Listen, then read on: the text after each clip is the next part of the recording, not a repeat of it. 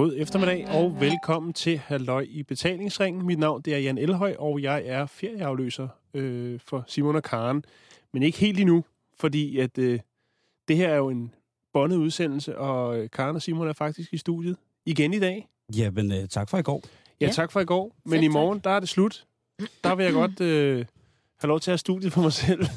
Vi snakkede om det i går, at, øh, at øh, det er jo lidt som, at øh, jeg skal til at gå selv i skole, og øh, jeg er blevet fuldt her i går og i dag.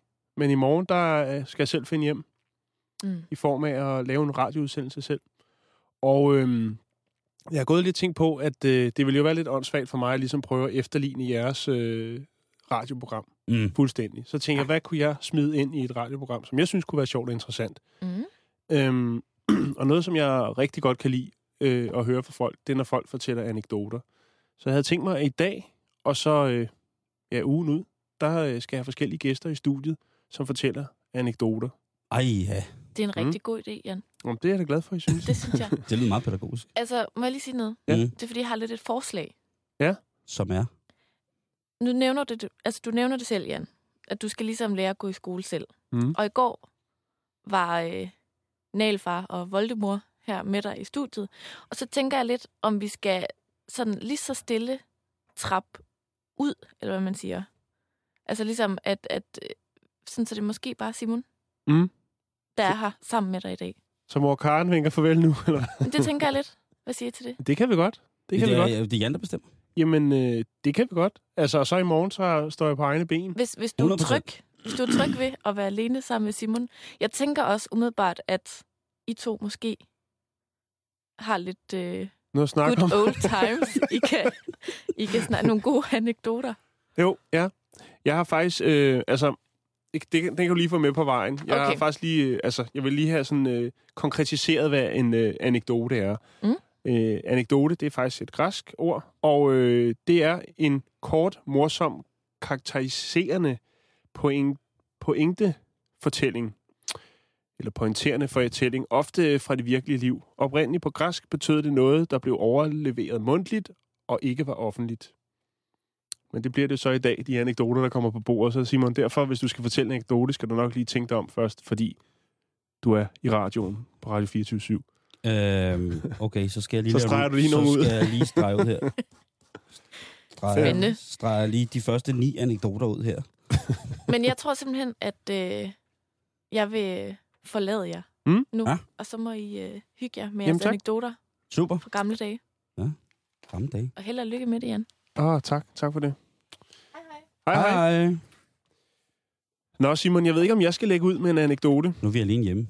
Ja, nu er vi alene hjemme. Jamen, Øh. øh, øh, jo, det, det synes jeg, du skal. Jeg synes, du skal lægge ud med, med en dejlig anekdote. Nu står der godt nok i, øh, i forklaring af, hvad en anekdote er, at den er kort og morsom. Øhm, men jeg kunne godt tænke mig at tage en, en, en snor og putte en masse perler på, en masse anekdoter, fordi uh, at de alle sammen er nogle anekdoter, jeg plejer, eller ikke plejer, men fortæller tit. altså, det er jo ikke sådan uh, sjov onkelagtigt med den samme Nej, nej. anekdote, der bliver fortalt. Men jeg har nogle, som jeg altid fortæller, når folk de, uh, fortæller om, at de er ude at rejse. Øhm, og Men, den anekdote, jeg godt kunne tænke mig at fortælle i dag, eller de anekdoter, de er Mhm. fra min øh, første tur, hvor jeg var ude at rejse øh, alene, uden min mor. Jeg var lige fyldt 18 år, og øh, havde en stor drøm om at komme til New York. Uff. Jeg var jo øh, meget øh, fascineret af hiphop-kulturen dengang, og Ja. ja. øh, hvis der er sted, det sker med hiphop, øh, så var det helt bestemt New York, eftersom at de... Ja, det, kan jo, det diskuteres jo stadigvæk, men de fleste vil nok mene, at det var der, den kultur, den øh, ligesom udsprang. Øh, hvad, hvad årstal taler vi? Jamen, vi snakker 1990. 1990. 1990, Simon. Shit, Jan. Det er mange år Åh. siden efterhånden. Hvor Hvad- gammel var du? Vi står lige på at regne det ud. Jamen, jeg har jo været... Du er 78, eller hvad? Nej, jeg er 77, 77. 77. så jeg har jo været... Øh, 12 eller sådan noget. Men øh, jeg kunne godt tænke mig at fortælle lidt anekdoter fra min, øh, mit første møde med en rigtig stor by. Stor by, New York.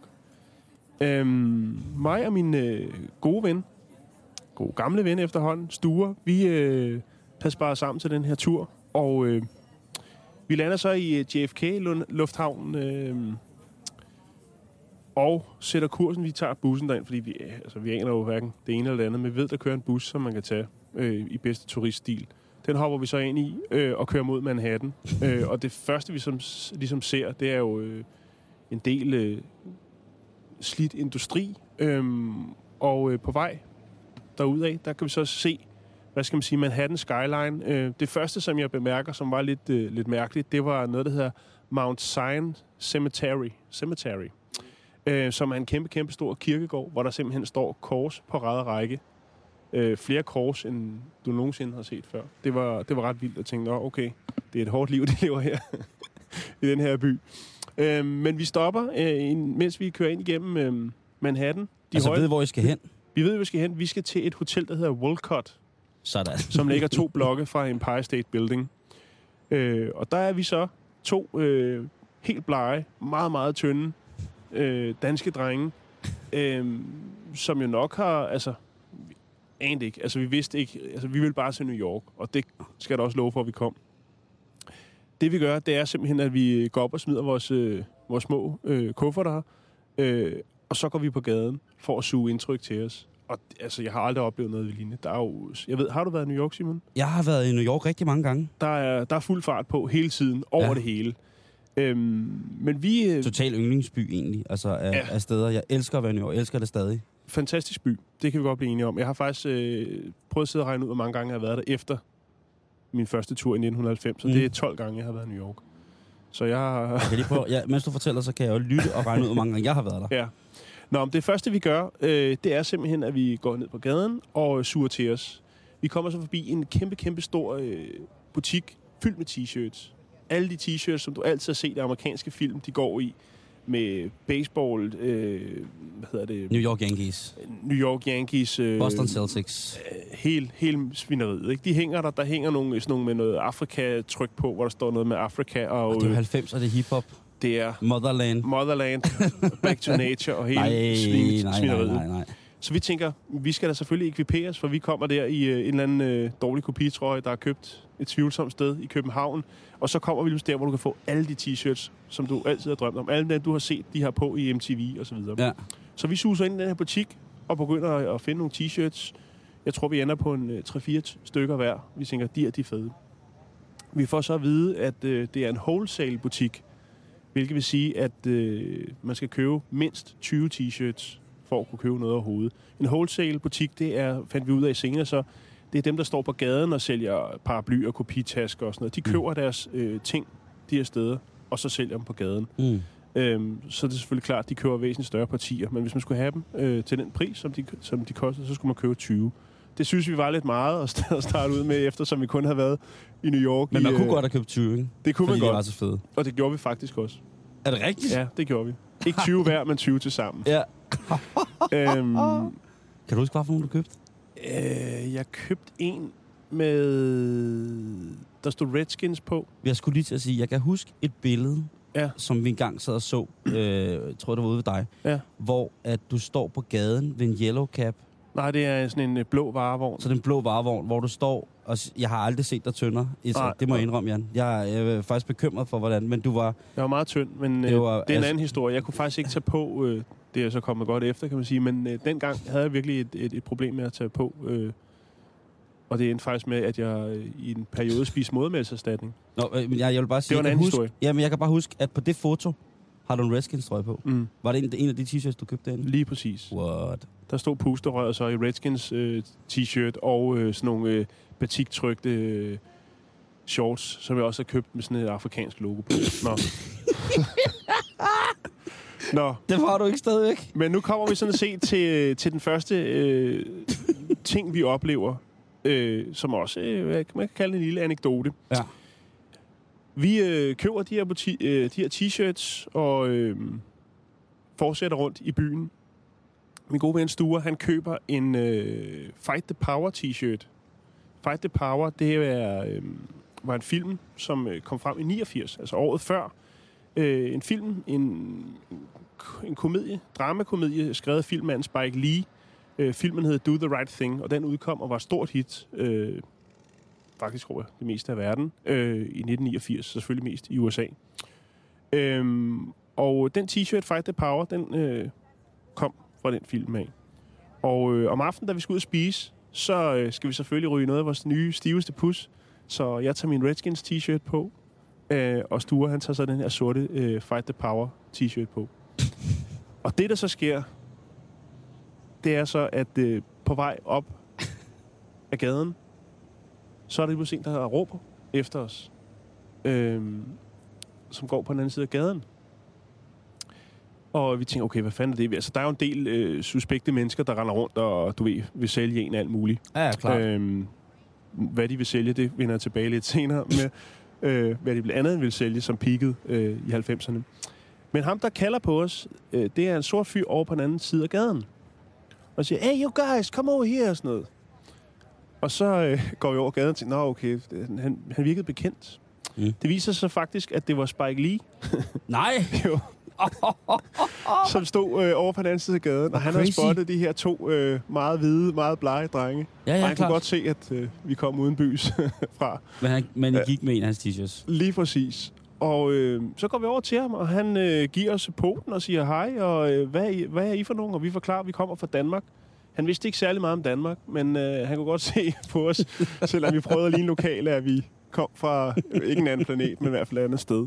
I Så vi gerne får- være fra The Bronx. Vi får en lille snak, og han synes, at øh, vi virker til at være nogle øh, temmelig friske, flinke, sympatiske unge mænd. Øh, synes, det er sjovt, at vi har, har den der t-shirt på. Det er da klart. Øhm, når jeg tænker tilbage på det dengang, hvis man tager hip-hop, hip-hop-kulturen, men også den generelt i USA, så tror jeg faktisk stadigvæk, at de led lidt under det der med, altså ikke sådan helt sådan konkret raceopdeling, men der var stadigvæk, øh, altså, der var nogle fordomme, øh, sorte over for hvide og, så, Mm. og, og omvendt.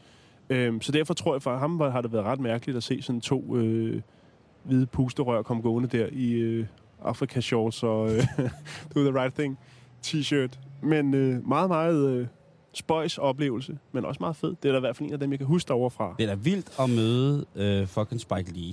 Ja, altså- samme dag, som man kører en t-shirt for en af hans Og film. inspireret af den film, ikke? Også øh, Fight the Power var det Public Enemy-nummer også på et Det, tidspunkt. lige præcis, ja. Som Øh, øh, var, var, med titelsangen til, til den the Right. Thing. Mm. Øhm, og så går, går I midt... Hvor, hvorhen i New York var det? Øh, jamen, det var... Hvis jeg boede lige ved Empire State Jeg tror, det var på det vej mod Union Square eller sådan andet. Vi går på en af de der gader, der nu... Ja. Jeg kan ikke huske, hvad den hed. Det er også ma- meget. det er mange år siden, Simon. Ja, det er mange år. Det er mange år. Men at møde Spike, øh, Spike Lee Ja. i New York. Mm. Wow. Og så i den t-shirt der. Ja. Tog en billede af jer. Nej, det var det ikke. Og vi, dengang var der sgu også kun øh, analog film, så vi, Det er rigtigt. vi gjorde os heller ikke så meget i kameraet på det tidspunkt. Jeg har en del billeder. Jeg har faktisk prøvet at finde nogle øh, fra nogle af de her ting. Det er altid godt at have lidt beviser med, øh, men jeg kunne simpelthen ikke finde mig op på mit loft. Øh, jeg har så meget Og jeg har også set billedet af dig i Redskin t-shirt. Det har du, men der er et andet billede, du ikke har set. Det vender vi tilbage til. Uha. 1990, det var også der, hvor at, øh, det rusmiddel, hvis man kan kalde det det, egentlig, øh, cracken, den, øh, den peakede i USA. Og øh, noget, jeg lag, lagde mærke til, det var, at der var utroligt... Altså, det er jo noget, der virkelig tager hårdt på misbrugerne. De ligner jo... Ja, Det ser vildt ud til sidst. det ser ret vildt ud. Ja. Øh, men det, jeg lagde mærke til, altså, New York var ikke så glamourøs dengang, som det er i dag. Det var ikke så flot og rent og så videre. Det var lidt mere skummelt. Der var jo utrolig mange øh, kontorbygninger øh, på Manhattan, og lige så snart, at øh, kontorfolkene de var taget hjem fra arbejde, så blev gaderne simpelthen fyldt med folk, der sov i papkasser, og øh, folk, der sad og røg crack. Det var, det så var de ret sad åben på gaden og røg crack? de sad åben på gaden. De var godt skudt afsted med, med glaspipen i munden. Ej. Øhm, og øh, det, jeg vil nå, nå frem til der, det er, at øh, vi, vi vil jo se det hele. Vi vil ikke kun se, du ved, øh, Empire State og øh, Frihedsgudinde og så videre. Vi vil og se... World Trade Center. Ja, World Trade Center var der også dengang, faktisk. øhm, men det var ikke det, vi ville se. Vi ville se det rigtige New York. Øhm, så vi gik utrolig meget. Jeg tror måske, vi gik øh, 10 timer hver dag, hvor vi bare gik rundt, eller tog toget og kørte et eller andet sted hen og stod af og så, hvad der skete. Men der findes også et øh, område på Manhattan, der hedder øh, Meatpacker District, Mm. som jo øh, egentlig svarer lidt i dag til det hippe sted, vi har her i København, der hedder Kødbyen. Øh, men dengang var det langt mere snusket. Øh, og det var også en af de steder, hvor der foregik ting om aftenen. Øh, der var, øh, skal man kalde det med et pænt ord, glædespiger, der rendte rundt i badedragter. for at tjene til dagen og vejen. Øh, der var hjemløse, der lå og sov, og der var folk, der solgte crack. Øhm, der, der kom vi ned. Vi endte, vi kendte ikke området, men lige pludselig, så, det er så senere, jeg fandt ud af, at det hed det. Men øh, der skulle vi selvfølgelig ned og kigge i det område, fordi det var sådan lidt, lidt skummelt og lidt spændende. Øh, og dernede, der er der så øh, det, man kalder en highline, altså en nedlagt togbane, som øh, kører igennem Manhattan, øh, som er fuldstændig tilgroet. Så, åh, det kunne være fedt at komme derop og øh, se New York lidt ovenfra på en lidt anderledes måde. Så øh, der ryger vi op, øh, men det er ikke helt nemt, finder vi ud af. Øh, så på et tidspunkt, så kommer der sådan en hen af de der øh, crack sælger der og spørger, hvad vi laver, om vi skal købe noget. Det skal vi ikke. Men øh, vi kunne godt tænke os at komme derop.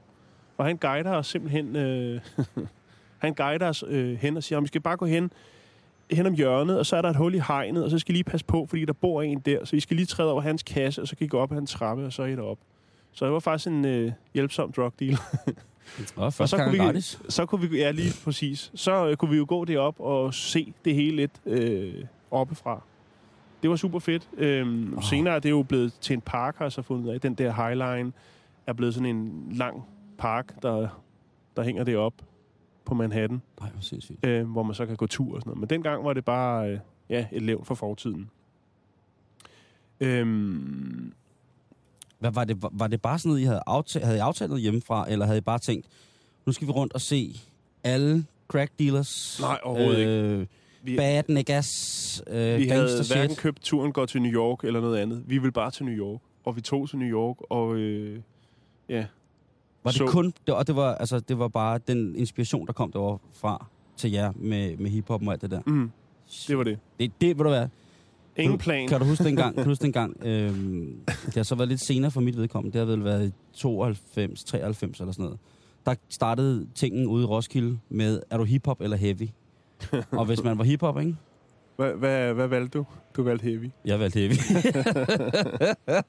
og fandt faktisk først ud af gymnasiet, hvor, hvor vildt det var. Nej, det var, og det var faktisk også på grund af en, en film med, med hiphop og musik, som gjorde, at jeg fandt ud af, jamen selvfølgelig kan de to ting forenes. Mm. Og det var den film, der hed Judgment Night, hvor at øh, blandt andet øh, Public Enemy, som vi snakkede om sidst, og øh, bandet Slayer fandt sammen, Okay. og Biohazard og alt muligt mærkeligt. De, det var alle mulige Def Jam, øh, øh, hvad hedder det, kunstnere, som fandt sammen. Mm. Øh, Def Jam, Rick Rubin på det tidspunkt, øh, pladselskab, øh, manden som... Øh, Produceren, ja. Produceren, som, som i dag både står bag ved Adele og alt muligt andet. Men lige pludselig så fandt jeg ud af, jamen, hvor var det vildt, at det kunne man sagtens hænge sammen jo. Man Mm. kunne godt rap hen over heavy. Jamen, der skete jo helt bestemt noget der, og det, jeg tror helt klart, at det er ligesom, at, hvad skal man sige, hiphoppen var en del af ligesom at få det sammen. Altså i dag er der jo ikke nogen, der glor på dig, fordi du laver, producerer eller rapper som hvid. Det Nej, var der helt bestemt dengang. Altså det kan jeg også øh, huske, da jeg boede i Los Angeles i 98 og lavede musik derovre, og der lavede jeg jo sort musik. Jeg lavede R&B, øhm, og jeg kan huske, at jeg var oppe på La Face, øhm, et pladselskab, som øh, en producer, Babyface, havde. Og der var jeg oppe og spille nogle demoer for nogle af dem, der arbejdede deroppe, og de stod øh, lidt skeptiske.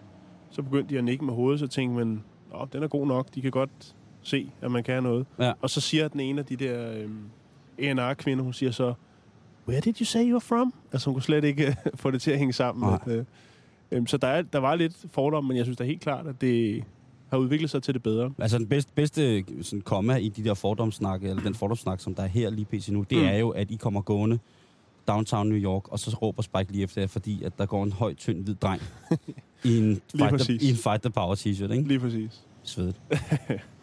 Nå, men øh, jeg, jeg har lige lidt mere i Ja, ja, ærmet selvfølgelig. fra øh, New York-turen. Øhm, vi var ret fascineret af den der højbane. Jeg synes, den var ret spændende. Der var selvfølgelig lidt, øh, lidt forskellige øh, skumle typer deroppe. Øh, vi valgte at tage det op øh, dagen efter om morgenen, for ligesom at se det hele i øh, dagslys. Og der kunne man rigtig se, hvordan folk havde lavet små lejre deroppe, hvor de boede flere hjemløse sammen. Tog nogle billeder af, af nogle af deres øh, hjem, kan man vel godt kalde det. Ja.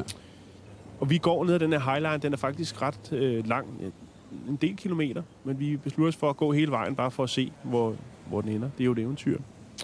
Øhm, på et tidspunkt, så når vi til, øhm, altså sådan ned i bunden af det her Meatpacker-distrikt, og øhm, der kan vi gå og kigge ned i de forskellige gårde. Der er nogle, hvor de står og skralder biler og sådan lidt forskellige halløj. Men vi kommer til en gård øh, på højre hånd, hvor vi kan kigge ned. Den er helt tom. Lige på nær, der står en stol. og øh, den stol viser sig så at være en elektrisk stol. Øh, en træstol med sådan nogle porcelæns... Øh, jeg ved ikke, hvad de hedder, dem som også sidder oppe i masterne. Mm. De sidder op øh, spændt fast øh, på toppen af stolen, og så er der noget til at øh, fastne sådan nogle læderremme til arme og ben, øh, og nogle andre ledninger. Og da vi ser det, der går vi i panik, fordi vi tænker, okay, nu er vi skulle ved at være nede i et kvarter, der er, der er rimelig vildt. Øhm, og der går en ledning langs, øh, langs væggen, øhm, hen ad muren og op under togbanen og ind i en lejlighed over på den anden side. Nej, nej, nej, nej. Øhm, vi går i panik, øh, og så løber vi. Øh, men jeg siger så til Sture, prøv at Sture, vi bliver simpelthen nødt til lige at løbe tilbage og tage et billede, for der er aldrig nogensinde nogen, der vil tro på det her, Mm. at vi har set en elektrisk stol øh, stå i en baggård på Manhattan. Så jeg løber tilbage øh, sådan rimelig rystet og tager to billeder af den her elektriske stol. Det var det, jeg ville have taget med og vist dig i dag, for jeg har Ej, faktisk de to vildt. billeder stadig et eller andet sted. Øh, det var sgu øh, Så der stod en rigtig elektrisk stol der. en rigtig elektrisk stol, og det var ikke sådan en, der lige var banket sammen. Man kunne se, det var en, der var Den var Altså- købt på brugvognsmarkedet. eller loppe, en speciel loppemarked. Jeg skal have de der to, to sæt bestik, og så den der stol. Lige præcis. Shit, mand. Men øhm, vi gjorde også noget, altså vi, vidste, vi vidste jo, at, øh, hvad skal man sige, hip-hop-kulturen startede i Bronx, Mm. og der ville vi godt op. Vi var ret øh, klar over og bevidste om, fordi hver gang, hver aften, når vi kom hjem, så vi nyheder, og der var der jo altid masser af ting med folk, der blev overfaldt, skudt og så videre, så videre. Vi tænkte, hvis vi to hvide knægte, vi skal op til Bronx, så øhm, skal vi nok ikke være for fancy i tøjet. Der havde lige været, øhm, den første aften så vi noget i nyhederne med en dreng, der havde et par nye sko på, øhm, som så var blevet stukket ned, fordi han ikke ville give sin sko til nogle andre i toget. Så man skulle nok lige tænke sig om, at vi skulle nok ikke komme i det, i det stiveste pus, vi havde været nede at købe. Ingen Redskins t-shirt Ingen der. Redskins t-shirt, så det blev af, af, hvad hedder det, afklippet cowboybukser og en gammel t-shirt. Okay. Øh, og så nogle, I, nogle, I white trash lidt op. Ja, det kan man godt kalde det, eller i hvert fald trash os lidt op.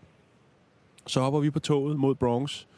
Øh, og det er noget, jeg lagde mærke til faktisk. Det var, at øh, man kunne se, hvordan kvartererne ligesom var delt op i, hvor man kom fra. Altså, lige pludselig så var der kun sorte i toget. Så var det portuganer, der stod af og på. Og så Mm. mm. skiftede det lidt deroppe af. Ja.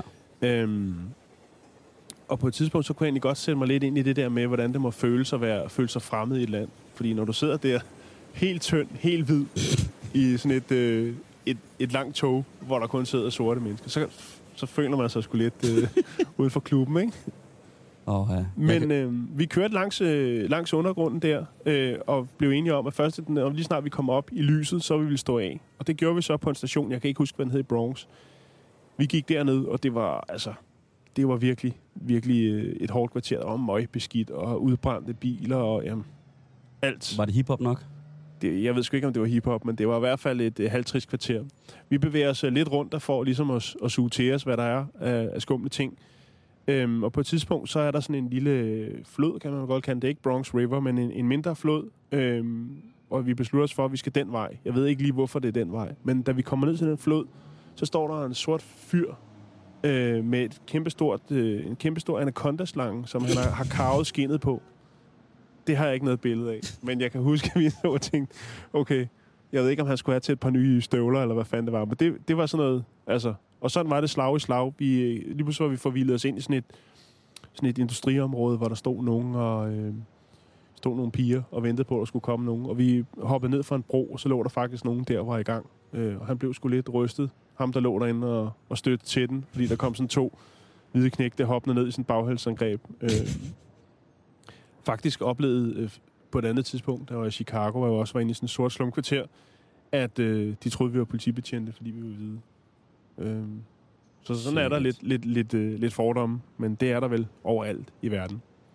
Ja. Men, men øh, altså, da vi kørte tilbage fra Bronx, efter vi har været deroppe og se Bronx, Mm. jeg, altså, der var jo ikke noget specielt deroppe, men det var en fed oplevelse alligevel. Det er jo kulturschok første gang, man kommer til. Så, så tænker vi, nu står vi sgu af i Harlem. Der må også være noget i Harlem. Hvad er det med de nære der? Jamen, det var bare, du ved... Ja, undskyld.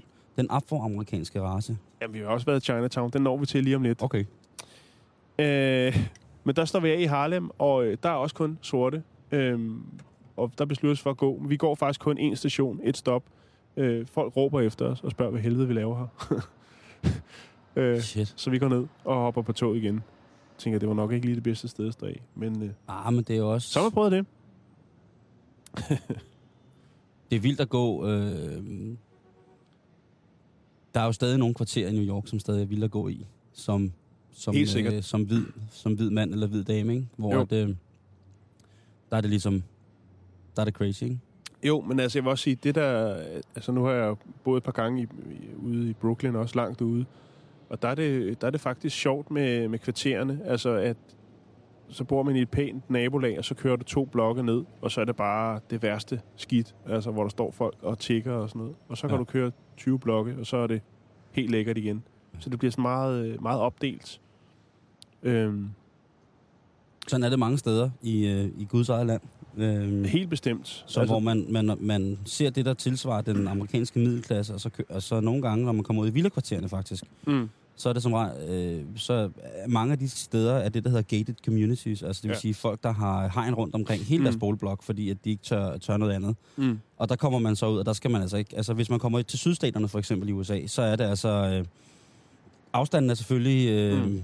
kæmpe store, men hvis du kører, tager en by, en, en stor universitetsby som Austin i Texas for eksempel, som er et stort velfungerende... der har du øh, været en del, ved jeg. Der har jeg været rigtig, rigtig meget, og hvis man kører cirka 10 minutter uden for Austin, I en cowboy-periode. Lige præcis. Den slutter aldrig. Den bliver vildere og vildere. Så hvis man øh, rider cirka 20 minutter, nej, hvis man går cirka, eller kører i bil cirka til 20 minutter uden for Austin, jamen så er du altså ude i et sted, hvor, at, øh, hvor alle folk er familie med hinanden. Mm.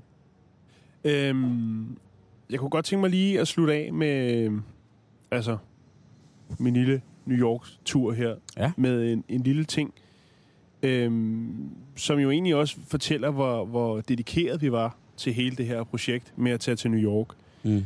Øhm, I øh, midt-80'erne, der var der en øh, rapgruppe, der var faktisk en del, men dem, der gjorde sig mest bemærket med lige akkurat de sko, det var Run DMC. Oh. De gjorde sig til i nogle sko, der hedder Adidas Superstars. Og øh, hjemme i lille Danmark, der kunne du stort set ikke øh, købe noget som helst, der lignede øh, det tøj, som du så i fjernsynet. Du kunne heller ikke købe sko. Du kunne ikke købe Superstars herhjemme. Du kunne købe øh, nogle Nike med en blå stribe på siden, som mindede lidt om Superstars. Du kunne sætte de samme snørebånd i, nemlig de her brede snørebånd. Og det var sådan set det. Du kunne ikke få øh, Superstars. Så vi tænkte, nu er vi i New York. Vi er godt nok lidt sent på den. Øh, det er et par år siden, at øh, Run DMC de gik i Superstars. De lavede Øh. en sang til deres sko, der hedder My Adidas. Lige præcis. Øh, og det, var, det er stadig i dag en super fed sko, synes jeg. Oh, 100 Ikke procent. at ejer et par, men det er en, det er en klassiker, Det gør jeg. sige. Øhm, så vi tænkte, vi skal have fat i sådan et par superstars. Og øh, vi tænker, hvor får man fat i det? Nede i Chinatown ligger der utrolig mange skobutikker. Øh, så der tog vi ned. Og øh, uden at overdrive, øh, skyde på, vi brugte 6-7 timer, hvor vi gik rundt i alle butikker og spurgte, om de havde superstars. Og der var nej alle steder. Det var, det var ret trist, for vi tænkte, vi er i New York. Hvorfor kan man ikke købe superstars? Ja, det er Run Altså, det, det er. Adidas, det er jo altså for fanden da. Øhm, vi ender i en butik, som så mange andre, hvor vi så spørger, om de har dem. Og øh, han siger nej, han mener det ikke. Men øh, så kommer der en ældre herud fra baglokalet, og siger, han, at øh, han mener faktisk, at der står nogen nede i kælderen. Og han er så væk i 10 minutter, vi går der og tænker, ja, okay. Endnu en nitte. Han kommer faktisk op med et, øh, et par superstars. Øh, derovre, øh, der pakker man skoene ind i plastik. Altså sådan nærmest vakuumpakker, fordi mm. Så kan folk stå og kigge på dem og røre ved dem, uden at øh, Bliver fedtet. de bliver fedtet. Øhm, så han kommer op med de her par, og de er sådan rimelig støvede, det der plastik. Og vi er selvfølgelig helt øh, op at køre. Øhm, der er jo bare det problem, det er jo ikke sikkert, at størrelsen passer. Det var så et nummer for stort. Jeg mener, det var en, øh, en 45. Øhm, men jeg hopper på dem, og vi spørger, om de ikke har flere. Og det viser sig faktisk, at de også har et par mere. Så vi går faktisk begge, fra der, øh, begge to derfra med et par originale Adidas Superstars. Dog lidt for store. Oh. Det, der så var mærkeligt ved det her, og det er så der, jeg synes, det bliver til en anekdote, det er faktisk, at vi blev stoppet på gaden hele vejen tilbage til hotellet af folk. Ikke sådan, altså de står ikke i kø, men det skete måske to-tre gange, bare på den lille øh, tur hjem. Vi havde selvfølgelig taget skoene på med det samme, fordi Ja, nu ja. havde vi skoene på. Det viser sig åbenbart, at vi åbenbart har fået fat i et eller andet der, fordi det var lige før, de ligesom blev kom frem igen. Så vi blev stoppet af amerikanere på gaden og spurgte, hvor har I købt de der sko?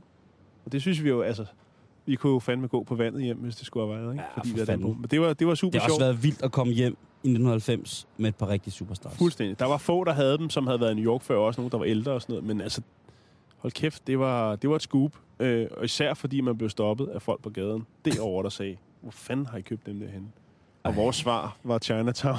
Ja, og, Så jeg skulle starte fra en ende af, ikke? jo, jo, og så skal man jo også vide, at jamen, selv i 1990, der var Chinatown jo godt med på at sælge ting, som måske ikke var helt kurante.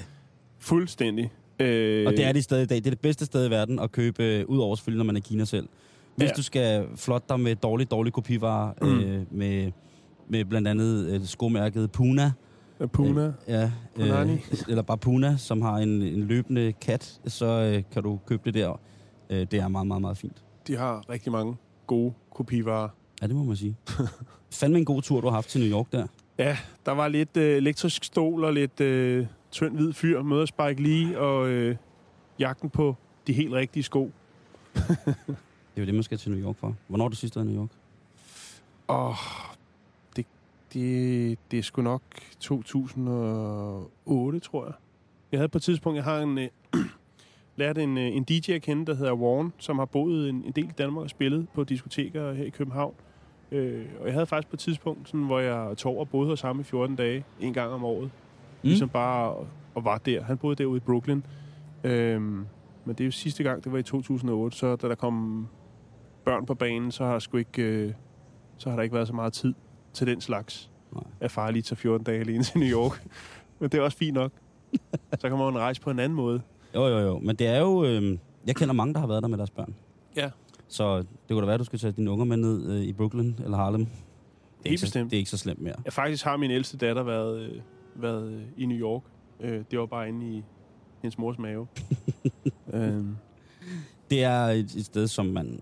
Øh, jeg var der sidst i 2011. Mm. Øh, 10 dage til bryllup. det skulle godt jeg- være. Jeg prøvede en... Jeg var på russisk spa. lyder lækkert. Ja, ah, altså... Det var arrangeret som polterappen.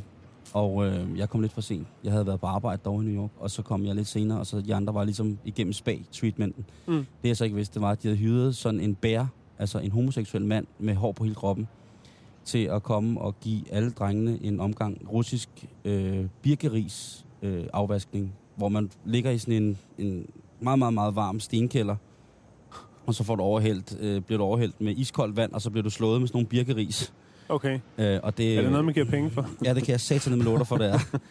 Og jeg kan også love dig for, at vi sad alle sammen bagefter helt rystet og smilede til hinanden med sådan små krasmærker hen over munden og ryggen, og var helt røde og ømme. Og det føles rart. Øh, nej. Nå. Det kan Heller ikke bagefter. Nej, det, det var folk var Kæft, fulde. mand, han må have stået bagefter ham, bjørnen, og grint. Jamen, det var en del af selskabet. Han var en af, øh, en af Gommens venner. Okay. Det var, øh, det var meget voldsomt. Men det er sådan... Er det, er det sidste... Nej, så så jeg Sarah Jessica Parker i Whole Foods på Lower East, East Houston. Okay. Ja. Sammen med Helle Thorning, eller hvad? Jeg gør det var, der hang på siden af hende. Det kan godt være, det var noget... Det så mystisk ud. Men, øh, men det var det. Jeg, jeg har taget nogle anekdoter med, Jan, ja, som handler ja, ja. om, øh, om min, øh, mit eventyr med Ægypten. Okay. Fordi at øh, Ægypten var mit første møde med et muslimsk land. Og øh, det var det på grund af min farmor, som, øh, som stadig er her. Som er muslim. Øh, nej, hun er fra Norge, hun hedder Åse. Øh, hun, øh, hvad- det ved jeg da ikke, om hun er. Det kan jeg faktisk godt. at farmor er blevet muslim Hun er konverteret. hun er blevet konvertit her på sine, på sine, på sine ældre dage. Nej, du. Øh, hun, havde, øh, hun har usandsynligt mange børnebørn. Øh, Mm. min far har øh, fire søskende, de fem. Og med det kommer der selvfølgelig øh, børnebørn, oldebørn osv. Derudaf. Men det, hun har øh, formået, det er at tage alle sine børnebørn en tur til Ægypten. To uger Uden Egypten. forældre, eller hvad? uden forældre. Kun farmor, og så med hendes øh, girlfriend, øh, Maj, som er en dame, som har et stærkt forhold til Ægypten, fordi hun har vist nok været gift med en ambassademand. Så hun kender øh, Ægypten ud af. Mm. Og jeg så jo mine ældre fædre og kusiner tage afsted til Ægypten. Og tænkte, jeg kan lige så godt være ærlig og tænke, tænk om jeg når det, inden farmor dør. Mm.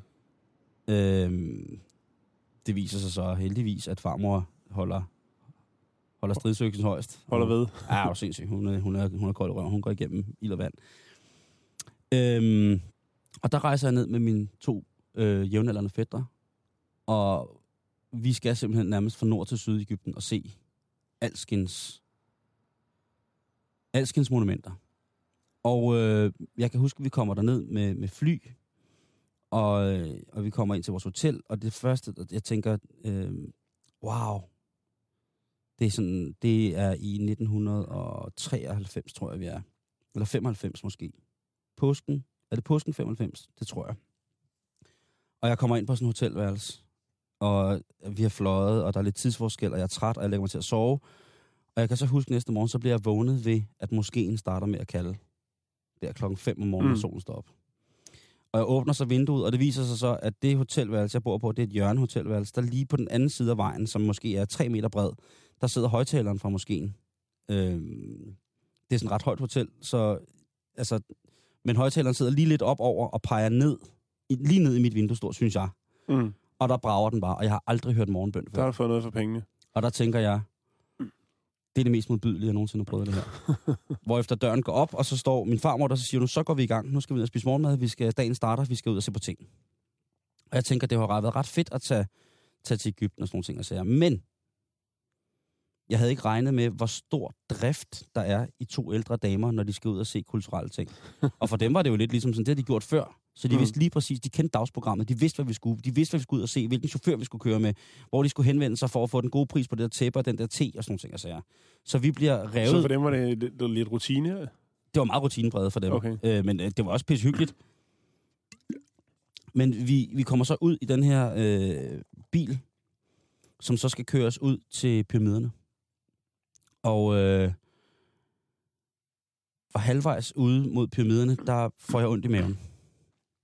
Og det er første dag. Ægyptermave. Altså, vi har spist lidt om aftenen, det er det. Ja. Men så tror jeg måske, jeg kommer til at drikke noget vand, mens jeg børster tænder. Ja. Og det ender med, at halvvejs ude Det er en klassiker. halv, halvvejs ud til pyramiderne, må jeg sendes tilbage med min farmor i en taxa til hotellet med utrolig dårlig mave. Mens at mine to fætter kører ud og ser pyramiderne og kommer tilbage og fortæller. Og jeg kan huske, at jeg bliver sat af på vej, den vej, vi kører ud til pyramiderne, øh, hedder Coca-Cola Boulevard. Fordi alle skiltene på hele boulevarden, der står en palme, står der Coca-Cola-skilt. En palme, Coca-Cola-skilt, palme og Coca-Cola-skilt. Og- Ligger der så også kun to, øh, tomme cola-dåser hele vejen derhen af? De er jo gode. Det med affald, det kunne de godt lære lidt dernede. øh, flasker. Ja. øhm, men det var en, det var, det var en ret, øh, ret vild start på en tur, som, hvor vi blev kørt i knæ af to ældre damer, som ville vise os hele verden på et fad i Ægypten. Så vi så øh, templer og kongernes dal, og var på ørkentur, og var på altså alle mulige ting, Mm. hvor man tænkte sådan, det er virkelig, virkelig, virkelig, virkelig et vildt land. Fik aldrig rigtig snakket. Jeg var utrolig keen på øh, at, at, at lære noget om deres religion dernede. Mm. Det fik vi ikke rigtig tid til. Jeg har måske senere hen fundet ud af, at det var måske, fordi det ønskede min farmor og hende der ikke, at mm. vi skulle ligesom... Øh, vi så en masse kunst, som stammede fra moskéerne, og vi var i nogle store moskéer, som var meget, meget flot. Men den der snak om religion, den fik jeg ikke rigtig gang i dernede, Mm. på nogen måde.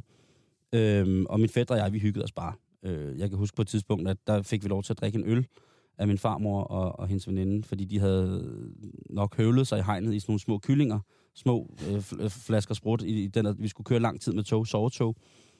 Øh, og så fik vi lov til at gå ned i restaurationsvognen, og heldigvis er mine to fædre meget, meget høje og, og, og, og flotte mænd, allerede i den alder. Og øh, der, øh, der kunne de bestille øl, så vi sad og drak øl i den der vogn, øh, og blev vist lidt småstive øh, teenager, og gik tilbage i seng og havde lidt tømmermænd næste morgen, hvor de jo igen, de gamle damer, trækker os rundt. Træk os rundt. Hvad synes du egentlig om E- Ægypten? Nu har jeg selv lige været der her øh, for en fire måneder siden og lavet et, øh, et tv-program. Øhm, jeg var ret overrasket over, hvordan det fungerer. Altså, der, jeg har jo været der... Øh, De har et meget højt serviceniveau. Nogle altså, steder. serviceniveauet er så højt, så det er næsten er chikane, vil jeg sige. Altså, alene ude i lufthavnen, hvor mange gange du ikke skal vise den ene billet, og det andet øh, kort, og dit øh, visum, og mm. dit og dat. Altså, det, det er jo, er jo et stort aktiveringsprojekt, de har gang i. Der er jo, altså... Jeg tror, at efter, øh, øh, øh, den, efter Mubarak, øh, ligesom efter forårsrevolutionen, kan man sige, så tror jeg, der sker rigtig mange ting. Og jeg har ikke været der siden. Mm. Øh, jeg, sidste gang, jeg var i Ægypten, var i 2004.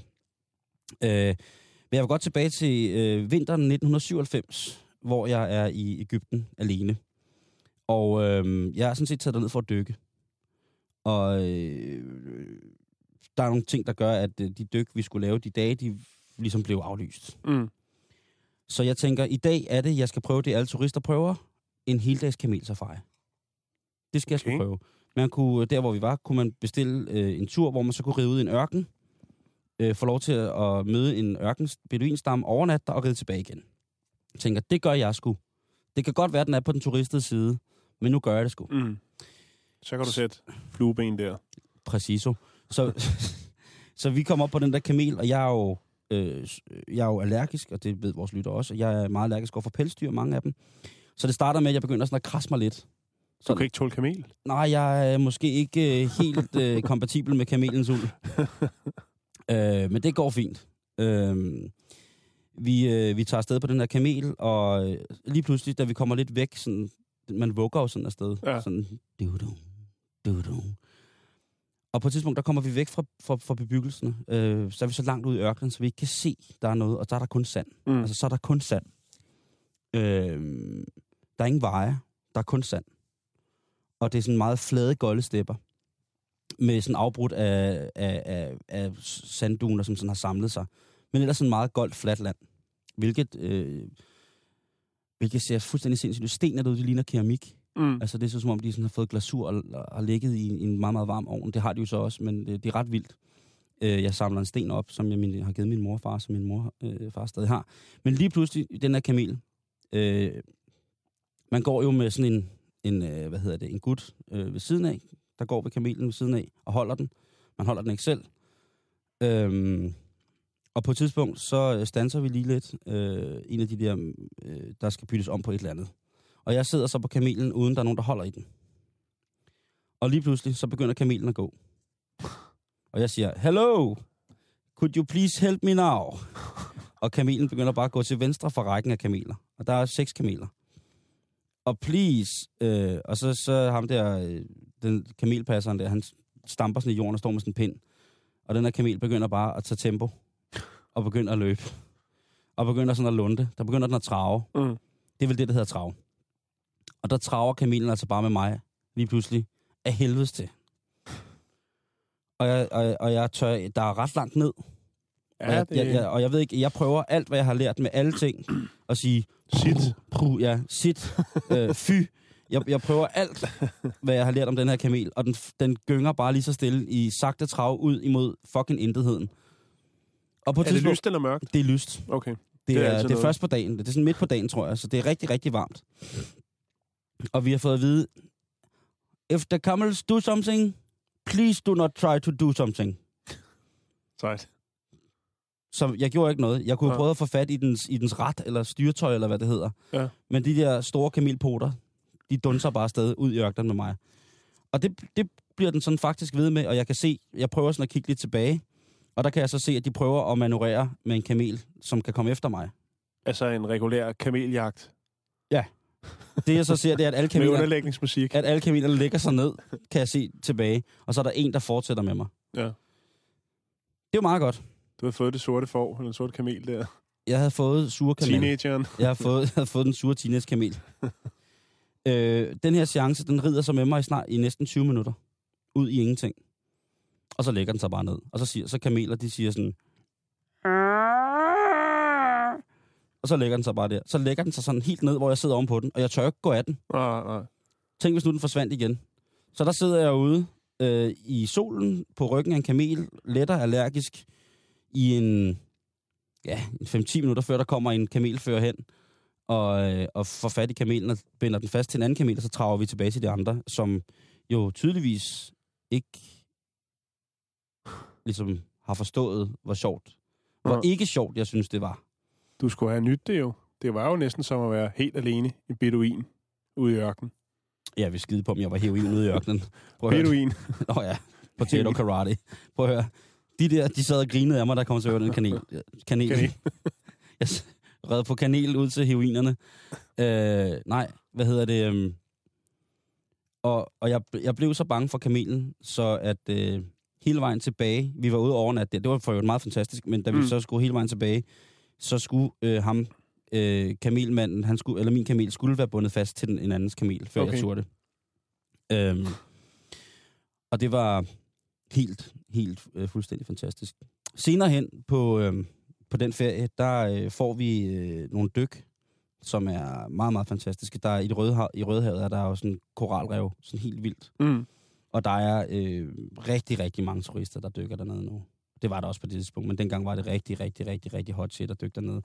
Øh, der var sådan nogle haj-episoder i Sharm el-Sheikh på et tidspunkt. Ja, yeah. men det er, det er altid en far, der er, når man dykker, eller mm. når, man, når mennesker begynder at bevæge sig ind på dyrenes territorier. Øh, I 2004 var jeg dernede, og der fik jeg lov til at dykke på det, der hedder Jackson Reef og øh, Elphinstone Reef. Og Elphinstone Reef er specielt, fordi de har hammerhajer. Mm. Og hammerhajer er jeg meget, meget fascineret. Jeg er i det hele taget meget fascineret af hajer. Men hammerhajer specielt, synes jeg, er noget af det, det vildeste, fordi det er et, et hajdyr, som, som for det første ser så fucked up ud. Altså, hvad er der, hvad, hvad er der blevet tænkt på der? Ja, jeg ved ikke lige... Jeg har tit prøvet at tænke på, at man evolutionen gør, at vi udvikler os specielt eller specifikt til at kunne noget. Noget nyttigt. Ja, det der, det ser Ja. bare foldet ud. Øh, men der er vi ude at dykke, og øhm, det er ikke så sjældent, eller det er ikke så tit, der er hammerhajer der, så man, man var sådan meget, ja okay, du skal bare vide, når du køber den her tur, at det er ikke sikkert, du kommer til at se hammerhajer. Altså, det er ikke Der er sikkert, ingen hammerhaj-garanti. der er ikke hammerhaj, der er ikke hammer, øh, og, og fair deal. Øh, vi skulle ned, der er nogle andre øh, typer hajarter dernede, som er ret fantastiske. Mm. Øhm, og vi dykker så på fjerde dagen eller femte dagen eller sådan noget, og der har ikke været en hammerhaj. Der har været masser af, reef sharks, altså typer hajer, der svømmer omkring, og man har kunnet fodre dem, og man har set en, en tysker, som er blevet bidt i foden, og der er alt muligt. Der er meget dumt dernede. Mm. Man må ikke fodre dem faktisk eller noget. Du Det er i hvert må, fald blevet øh, forbudt. øh, det kan jeg så godt forstå. Jeg tror, at det sidste, den sidste store skandale med hajangreb i Sharm el-Sheikh var det, der gjorde, at man ikke måtte fodre dem. Jeg ved ikke, om man har... Dengang, der, der for at trække dem til, så smed de det, der hedder chow i vandet. Mm. som er en stor spand rådne sild, øh, rådne fisk, og så kommer, det lugter virkelig, virkelig af dårlige, jeg ved snart ikke hvad. Øhm, men øh, de charvede ikke der, fordi at de hajarter, der ligger omkring Elphinstone på de tidspunkter, hvor vi dykkede, er meget aggressive. Mm. Så man skulle, det var på naturens præmisser. Øh, og pludselig dykker vi nede, øh, det, er sådan en, det er sådan en stor søjle op i vandet. Vi dykker nede, nede langs, øh, langs revet, og pludselig så øh, min dive body, som det hedder, ens homie, han øh, prikker lige øh, på min ene hånd, og der er vi måske 20 meter nede eller sådan noget. Og lige pludselig, så er det bare som om, der går en sky fra solen. Og så kommer der en kæmpe flok hammerhajer. Altså som i Fedt. kæmpe stor flok hammerhajer, der svømmer rundt. Og jeg har aldrig set noget lignende. Øhm, Fik du noget for pengene der? altså, det varede måske i... Jeg har jo synes det varede i over dage, ikke? Jo. Det har måske varet i en, et halvt minut eller sådan noget, og så var de svømmet væk, så var de svømmet forbi. Men der kom jeg op, øh, da vi kom op til overfladen, var det sådan, Woo! og man var sådan og helt, helt op at køre. Øhm, og, øhm, og der tænkte jeg, at det er fandme, fandme vildt at dykke med den der hammerhaj. Og der blev, jeg kom med sådan, kender du ikke, når man har været i en situation, hvor man bliver sådan helt, man kommer helt op og støde. Mm. Man er helt, man er helt, du ved, det hele, det kører bare på en. Og midt i det her, der kommer jeg sammen med den meget søde dykkerinstruktør, der er med, øh, kommer jeg til at diskutere religion. Jeg har jo altid haft den der tese med, at jeg har tit, når jeg ikke kunne forstå en religion eller en Altså ikke? så må jeg bare, så må jeg ud, og så må jeg, så må jeg tage, tage, tage et sted hen, hvor det ligesom findes, og så må jeg snakke med folk der. Mm. Og jeg kommer til at snakke med ham her, gutten. Øhm, og det viser sig, at han er, hvad hedder det, øhm, han studerer på Universitetet i Cairo. Og han siger, øhm, at han læser, øh, hvad hedder det, kulturhistorie og religion. Og han siger, vi holder sådan en forårsfest. Øh, alle os unge muslimer, der læser, vi holder en kæmpe forårsfest på, øh, i tilknytning til Cairo Cairo Universitet. Har du lyst til at komme med? Øh, og jeg tænker sådan, jo, altså, Hvorfor ikke? Ja, der bliver ikke drukket, og der bliver ikke, øh, de er muslimer, og der bliver ikke spist svinekød, og kan der være meget fest over det? øhm, og jeg tager så øh, kontakt til ham, da jeg kommer til Cairo, og så kommer jeg med til den her fest, ikke? Og da jeg kommer til den fest, der har den altså været i gang halvanden dag. okay. Folk er blæst af, siger der, Jan. På al- hvad? Jamen, altså, hvis, at jeg tror, det eneste, jeg ikke ser, som de ikke må, det er svinekød. Ellers så ser jeg, øh, mener alt andet. Okay. De fester. Det er jo haram. Ved du hvad? det, Haram havde også ferie der. Prøv at høre, det var den vildeste universitetsfest, jeg nogensinde har været til, tror jeg. Jeg kan huske, jeg har været til. Og jeg snakker med de her mennesker om, hvad det er, man, man tror, øh, hvad man skal tro på. Og jeg er meget, meget sådan idealist på det tidspunkt, og tænkte, jeg vil gerne vide noget om islam, jeg vil gerne vide noget om jødedom, jeg vil gerne vide noget om øh, buddhismen, hinduismen osv. osv. Mm. Jeg snakker med, men I kan jo ikke sidde her og være, du ved, være, være, være haram i bogstavelig forstand, hvor at, øh, ham, den øh, unge mand, som jeg så øh, faktisk den dag i dag stadig i kontakt med, han siger til mig, prøv at høre, det er samfundet udenom, og det, det retmæssige samfund, som vil have, at vi ikke udvikler os. Mm. Det er ikke os. Mm. Og det var det, han sagde om det. Og så festede vi altså i næsten tre dage. Jeg skal heller ikke sige nej til en god fest. Øhm, jeg vil sige, det var ret vildt øh, at se, at, øh, at der blev, altså der var sprut, og der var røg, og der var, der var alt. Alt, hvad hjertet kunne begære til en fest for folk i den alder. Mm. Så 3-24 år gammel, ikke? Alt var der, Jan. Og det eneste, jeg havde at sige, da jeg kom hjem, det var det der med, at, øh, jamen, der er ikke noget, som ikke er ens for unge mennesker hele verden rundt. Vi vil gerne det samme. På et eller andet tidspunkt i vores liv, så vil man til New York, eller man vil til Ægypten og vide noget om nogle andre, eller man vil... Mm. En dannelsesrejse. Ja, lige præcis. Der er ikke noget, man kan holde... kan holde- Man kan, ikke, man, kan, man kan ikke holde det fucking nede. Mm. Og det er jo det, som jeg synes, der er så fantastisk ved, ved, ved, ved sådan noget her, som at når man snakker om det her. Øh, min kammerat var under øh, forårsrevolutionen i Ægypten utrolig involveret i, i arbejde med at få, få pressen ud. Øh, og lavede sådan noget illegalt arbejde med mobiltelefon, kamera og sådan nogle ting. og sager. Men, og han er jævnalder med mig i dag, ikke? Øh, og arbejder på universitetet. Og jeg synes bare, at øh, det er sjovt at se, hvad man, hvad man lyst til. Jeg fik i hvert fald rigtig lyst til at tage til Ægypten igen, selvom det er lang tid siden, jeg har været der. Mm. Hvad synes du om Ægypten? Åh, ja. Var det forfærdeligt? Nej, jeg, jeg var sgu ikke... Øh, jeg var ikke helt op at køre over det. Hvor var I henne? Øh, Hugata. Jeg, var jo, jeg har lavet et dykkerprogram, hvor jeg følger en dykker, der skal ned øh, på et vrag, der ligger på 140 meters dybde. Wow. Øh, og det er jo noget en mission i sig selv. Ja. Øh, der ligger en øh, ankerkæde, som er knækket. Eller som, den er ikke knækket, det fandt de så ud af, men Mm. den går ned i dybet og forsvinder. Øh, og der er desværre øh, en del dykker, der har mistet livet på at finde ud af, hvad der lå for enden af ankerkæden. Men mente, der skulle ligge et vrag, og der var en mulighed for, det kunne være nogle, to forskellige vrag. Men mente, en af dem var der mulighed for, at det kunne være. Og øh, det er der faktisk en del, der har mistet livet på, ligesom at få stillet nysgerrigheden der. Det ville jo være at blive skrevet om i historiebøgerne, hvis man fandt ud af, at der lå et vrag. Men øh, et godt stykke dernede af, der, øh, der slutter kæden. Øhm, men det er en anden historie. Jeg var også ude at dykke for første gang. Jeg var nede og se det vrag, der hedder Tisselgorm, Mm. som jo er ret fantastisk vrag, Ja. øh, fordi det er så intakt. Du ved jo, jeg har en stor hang til ting, der er forladte og intakte. Jo, jo, Og. Tisselgorm er jo fyldt med lastbiler og motorcykler, gummistøvler og rifler, og jeg skal komme efter dig. Det Ja. var helt fantastisk. Og officielt gravsted. Ja. Det er det også. Man må ikke pille ved tingene. Øh, men sådan er det jo desværre i turistområdet. Øh, ikke at jeg selv pillet ved noget, men der, der bliver pillet. Der er helt sikkert nogen, der ikke kan, kan holde fingrene for sig selv. Det var ja. også fristende lige at sætte sig op på en motorcykel og tage et billede, men øh, der, er noget, der er noget med den hvide balance dernede, jeg ikke helt kunne styre på mit kamera. Det var første gang. Altså, det var mit første dyk nogensinde, ikke? Det var 20 meter. What? Lidt over 20 meter, ja. Ej, det må du sgu ikke, Jan. Jo, jamen, jeg havde jo, Pisse farligt, mand. jeg havde jo erfarne folk med. Nå ja, selvfølgelig. Men Så det gik. Men øh, Ægypten, nej, ja, det, det, det sagde mig ikke noget. Altså, Nej. jeg, jeg var ikke helt op og støde over. Jeg synes, der var mange, øh, mange ting, som jeg synes, der ikke spillede, eller var, som jeg synes, det skulle være, hvis man skulle på ferie. Det var rigtig spændende, Simon, at øh, lige have dig med hen i din ferie. Du har jo faktisk ferie nu. Ja, jeg er et helt andet sted i verden. Fuldstændig. Men at lige høre et par anekdoter. Jeg håber, du får hævet et par anekdoter med hjem fra ferien. Det gør jeg i hvert fald, Jan. Det er om at gribe chancerne og være spontan, når man er ude at rejse. Så sker der oftest nogle øh, temmelig uventede ting. Var det det for i dag? Det var det for i dag. Er det, vi skal sige? knæk og bræk i øh, de resten af dagene. Jo, tak. Jeg ved, du kan. Jamen, øh, det tror jeg også, jeg Åh, kan. Nu er det blevet tid til nogle øh, nyheder. Det var alt, vi havde i Halløj i betalingsringen for i dag. Og øh, vi ses og lyttes ved, hedder det, igen i morgen. Hej hej.